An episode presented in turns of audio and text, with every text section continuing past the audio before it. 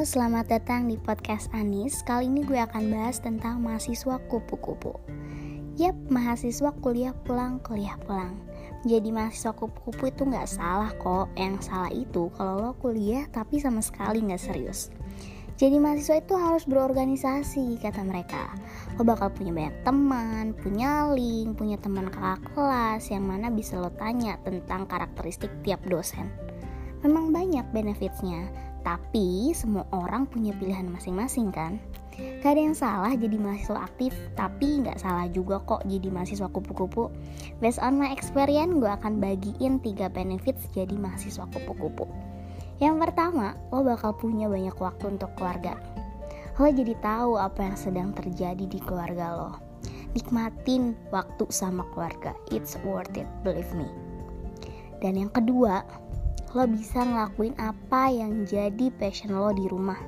Mungkin passion lo memang kerja sendiri, bisa bikin konten YouTube misalnya, bisnis dari rumah online shop. Karena gue sendiri orang yang introvert, gue seneng kerja sendiri dan gue punya banyak waktu di rumah untuk bikin gue itu berkembang di rumah.